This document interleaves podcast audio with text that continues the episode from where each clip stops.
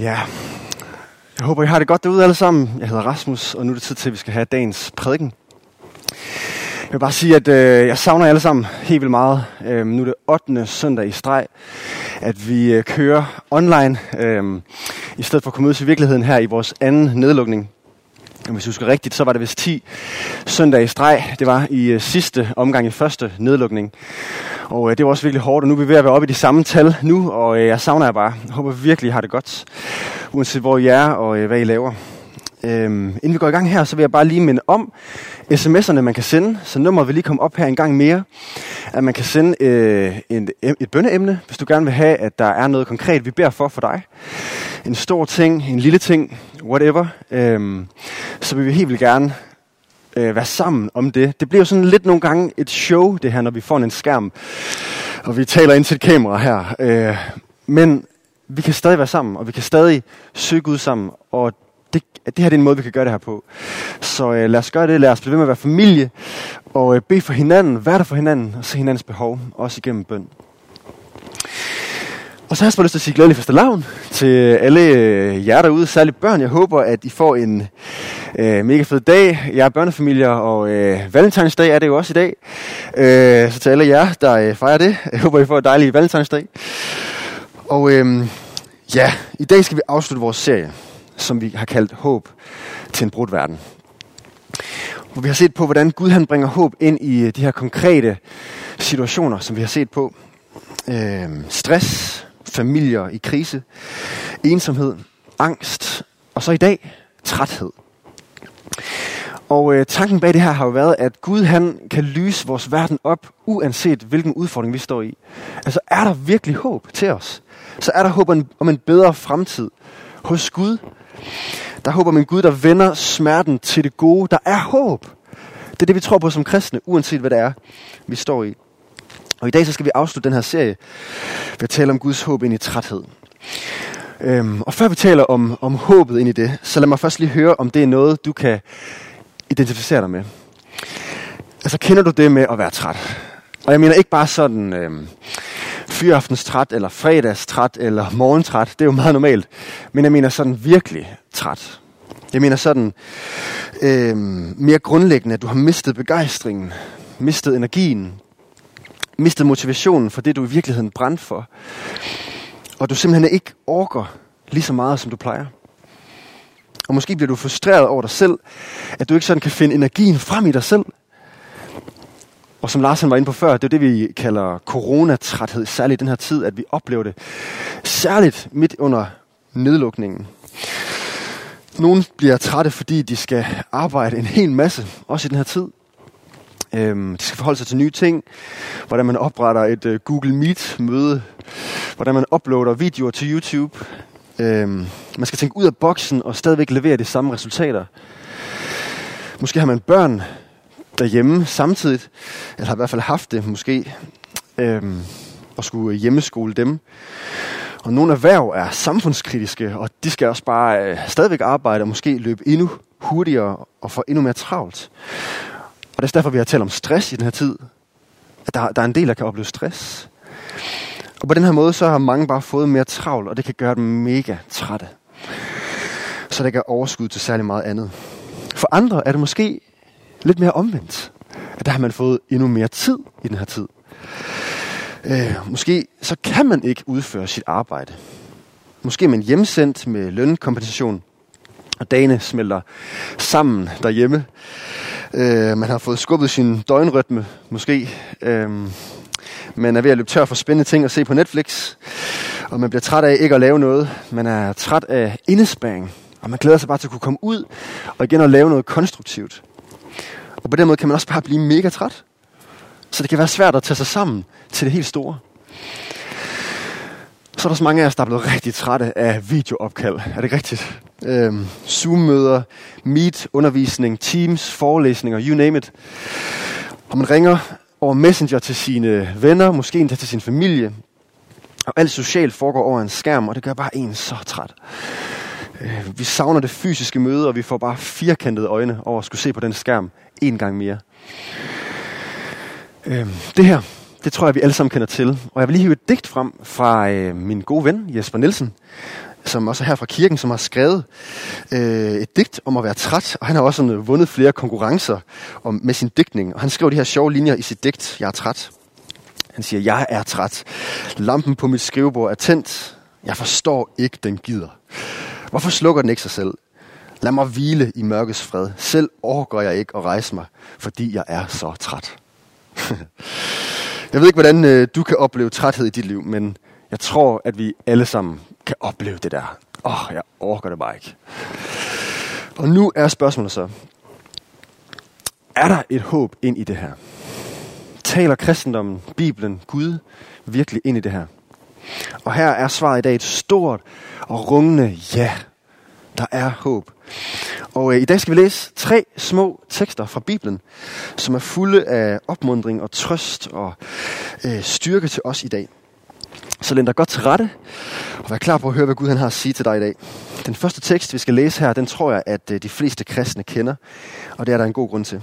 Det er fra øh, Matthæus 11, og vers 28, hvor Jesus han siger, Kom til mig, alle I, som slider jer trætte og bærer tunge byrder, og jeg vil give jer hvile.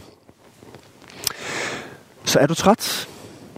Har du tunge byrder? Så står Gud med åbne arme og siger, kom. Kom, siger han. Jeg er klar. Jeg er klar til at tage imod dig. Jeg er ekspert, siger Gud, i træthed og byrder. Jeg har løsningen og medicinen imod det her. Og det er, siger han, jeg vil give jer hvile. Men hvad betyder det egentlig sådan at komme til Jesus?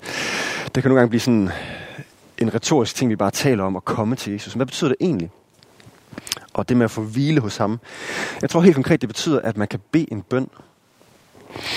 Øh, man kan gå en tur og bede en bøn, eller man kan sidde i et rum for sig selv. Eller hvis du sidder blandt andre, så kan du tænke en bøn. Og så kan du sige til Gud, Gud, her er jeg. Jeg har brug for dig. Jeg kan ikke finde hvile andre steder. Kom til mig med din hvile. Og så tror jeg på, at du vil opleve det der. Altså at få en eller anden hvile og fred. Jeg har sådan lidt svært ved at beskrive det selv. Jeg har bare oplevet det så mange gange. Når jeg søger Gud og kommer med mit stress eller mine frustrationer eller hvad det er. Altså giver det en indre fred, når jeg bare søger ham. Det gør på en eller anden måde, at jeg slapper mere af i musklerne, og jeg kan sænke mine skuldre. Jeg bliver mindet om, at det helt nok skal gå, fordi Gud er Gud, og han har styr på det. Han er på min side, han er for mig.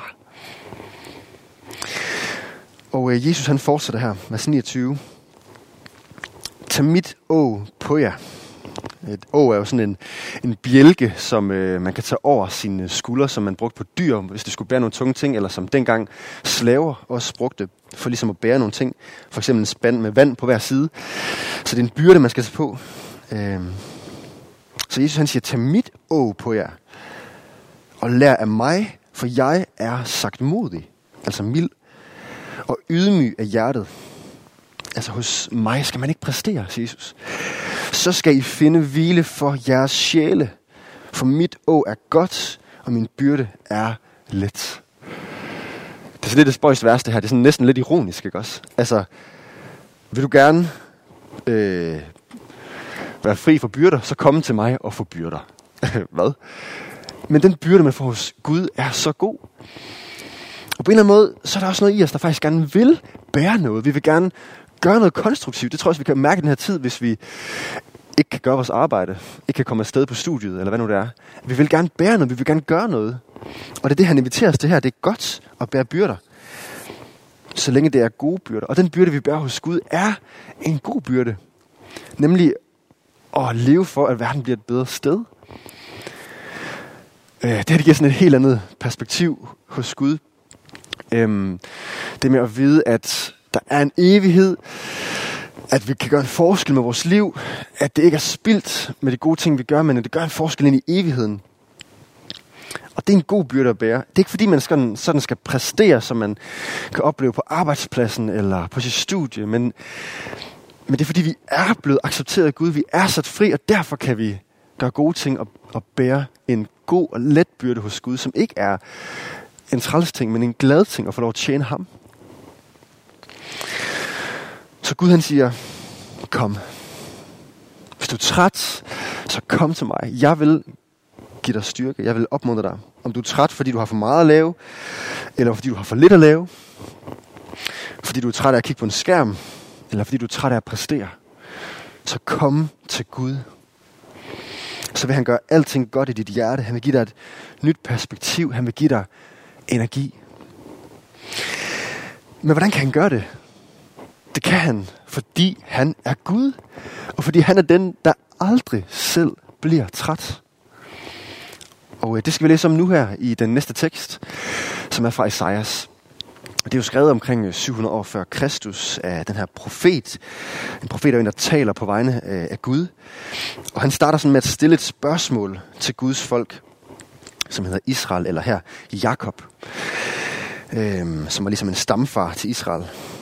Og på samme måde så kan han spørge Guds folk, kirken i dag, det her fra vers 40, øh, kapitel 40, vers 27.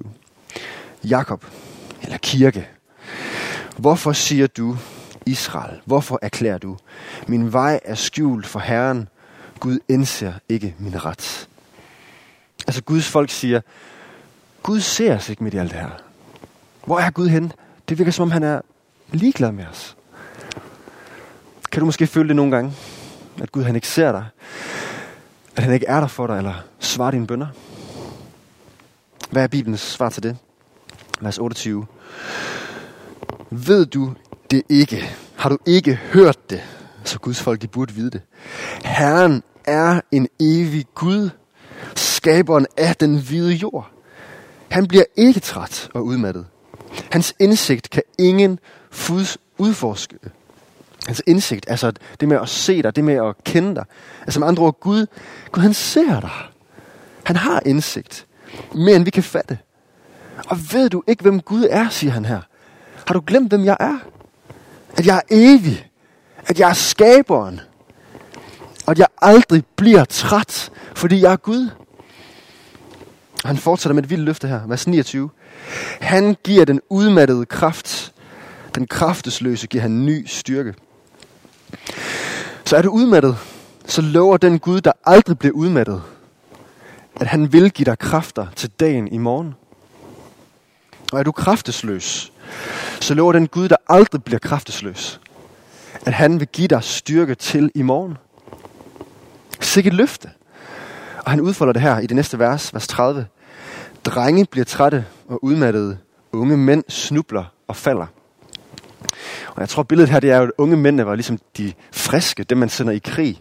Dem, der burde kunne holde længst tid. Men selv de løber tør for energi. Men Gud løber aldrig tør. Og derfor er det her sandt, vers 31.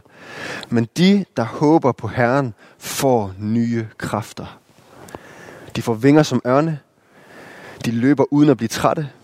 De vandrer uden at udmattes. Så håb på Herren. Sæt din lid til ham. Kom til Gud, når du er træt. Så vil han give dig ny motivation, ny energi, og så du kan flyve som ørnen. Kan du se det for dig? Du kan løbe uden at blive træt. Men tror du egentlig på det her? Tror du på det rigtigt? Hvis ikke du helt tror på det, så kunne du jo prøve det af. Du kan prøve at komme til Gud den næste uges tid, når du er træt. Prøv at søge ham. Og så tror jeg på, at du vil opleve, at det gør noget i dig. Når du bruger tid med Gud. Og så skal vi slutte af med en øh, sidste lille tekst, som handler om, jamen, hvis det er det rigtigt, at vi kan komme til Gud og få energi og opmundring, hvad betyder det så nu? Hvad så nu? Hvad skal vi så bruge den her energi fra Gud til? Og det er Paulus, vi skal læse fra her til sidst, fra Galaterne 6. Øh, to gode vers her, fra vers 9. Lad os ikke blive trætte af at gøre det, som er ret. Vi skal til sin tid høste, blot vi ikke giver op. Så lad os da gøre godt mod alle, så længe det er tid. Især mod vores trosfælder. Så Paulus han siger, bliv ikke træt af at gøre det gode. Lad være med at give op på det. Hold ud, fordi en dag så skal du få din løn, eller som der står her, din høst. En dag så vil du se, hvilken enorm forskel du har gjort i menneskers liv. Og det vil være så meget mere meningsfuldt end at give op, bare fordi du er træt. En dag så skal vi stå foran Gud, og så skal vi se tilbage på vores liv. Og så vil vi få vores belønning, og Gud vil anerkende os, rose os for det gode, vi har gjort. Og vi vil glæde os over, hvordan det har haft betydning for andre menneskers liv og gjort en forskel. Så, som Paulus siger, så lad os da gøre godt mod alle, så længe det er tid. Så længe det er tid, så længe vi har muligheden, og det har vi nu. Måske endda mere tid i den her coronatid. Lad os bruge muligheden, lad os Gør det så længe vi lever. Find energi hos Gud til at gøre en forskel. Og så siger han, især mod vores trosfælder. Og det lyder jo sådan lidt mærkeligt, fordi skal vi ikke hjælpe alle mennesker? Og jo, selvfølgelig skal vi det. Det vi kalder til som kristne. Selv fjender skal vi være gode mod. Men ligesom vi sørger for vores familie først, så skal vi også sørge for hinanden i kirken. Det er for eksempel super godt at give til Afrika, som vi skal her i kirken. Det gør en kæmpe forskel. Men det ville være skørt, hvis vi gav en masse penge til Afrika, men overser en enlig mor, som vi kender til, som har brug for hjælp og er meget presset. Vi skal være der for hinanden. Vi skal hjælpe dem, der er foran os. Og ikke blive træt af at gøre det gode, som Paulus siger. Så det er det her, det betyder for os. Og det er det her, Jesus han gjorde. Jesus han blev ikke træt af at gøre det gode, selv da han var allermest presset. Selv han sad i Gethsemane have, aften før, at han vidste, at han skulle dø. Han var virkelig presset. Og han havde lyst til at give op, udtrykker han faktisk. Men han gjorde det ikke. Han gav ikke op. Han gik hele vejen. Han gav frivilligt slip på alt og døde den død, vi burde have haft. For at vi kunne leve det liv, der er hans. Og han stod op for de døde, for at vi virkelig kan få liv med ham, opstandelsesliv, som betyder mirakler i vores liv, som betyder energi, vi ellers ikke ville kunne finde andre steder, som betyder en kæmpe forskel, som betyder energi, trøst, motivation. Vi kan leve med Jesus i dag med hans kraft. Så hvad betyder det for dig? Hvad betyder den her trøst og opmundring til de trætte egentlig for dig i dag? Jeg håber, at det er noget, vi kan tage med os som en refleksion, at det gerne må betyde noget for vores liv rent praktisk. Så det vil jeg gerne stille som det sidste spørgsmål her. Hvad må det betyde for dig? Og jeg vil stille to konkrete spørgsmål. Det første det er, hvordan kan du i højere grad prioritere Gud med din tid? Altså komme til ham, bed og søge ham. Nu går vi også snart ind i fastetiden, hvor vi særligt kommer til at lægge op til bøn og faste osv. Og, og det har jeg bare lyst til, at vi må gøre os i den her coronatid. Særligt bare søge Gud. Så når du bliver træt i den næste uge, så lad det være en påmindelse om, hey, det er nu Gud kalder på mig, når jeg er træt. Jeg skal ikke være noget særligt, når jeg skal komme til Gud. Jeg kan bare komme med, hvem jeg er. Så det er det første spørgsmål. Hvordan kan du i højere grad prioritere at komme til Gud? Og det andet spørgsmål, jeg vil stille, det er, hvordan kan du bruge energien fra Gud, motivationen fra Gud, til at gøre noget godt? Hvem skal du være der for den næste uge? Øhm, det kan du måske prøve at øh, tænke over her under den næste sang, når du skal til at synge igen. Hvad må det her betyde for dit liv? Lad det ikke bare være en opmuntrende prædiken, vi har hørt, men lad det føre til handling. Lad os søge Gud, og lad det blive noget, der kommer til at betyde noget for andre mennesker også. Og til dig, der ikke helt ved, om du tror på Gud, så kom til ham. Han står med åbne arme og siger, kom, jeg vil give dig hvile. Ja, skal vi ikke bede sammen her til sidst? Gud, tusind tak for, at du inviterer os, selv når vi ikke er særlig meget værd. Selv når vi ikke har særlig meget energi. Selv når vi ikke har særlig meget pral af, så vil du bare gerne have, at vi kommer til dig. Og så vil du fjerne vores byrder. Du vil opmuntre os. Du vil trøste os. Og vi kan få energi hos dig. Tak for det løfte, Gud. Tak, at du vil lade os flyve som ørnen. Du vil lade os løbe uden at blive trætte. Du vil give os energi til det, du kalder os til, Gud. Så Gud, det vil vi gøre. Vi vil komme til dig. Det skal ikke bare noget, være noget, vi snakker om her. Det skal være noget, vi rent faktisk gør. Vi vil prioritere dig i bøn. Vi vil komme til dig og være sammen med dig, Gud. Ikke fordi vi skal, ikke som en byrde, men som en let byrde. En glæde, at vi kan få lov at søge dig. Og på samme måde vil vi bruge den energi og motivation til at gøre godt. Vi vil ikke blive trætte af at gøre godt. Vi vil fortsætte og blive ved. Og kom Helion og giv os motivation. Kom Helion og giv os energi. Selv midt i den her tid, som kan være så frustrerende. Ja, det bliver ved mit dit vidunderlige navn, Jesus. Amen.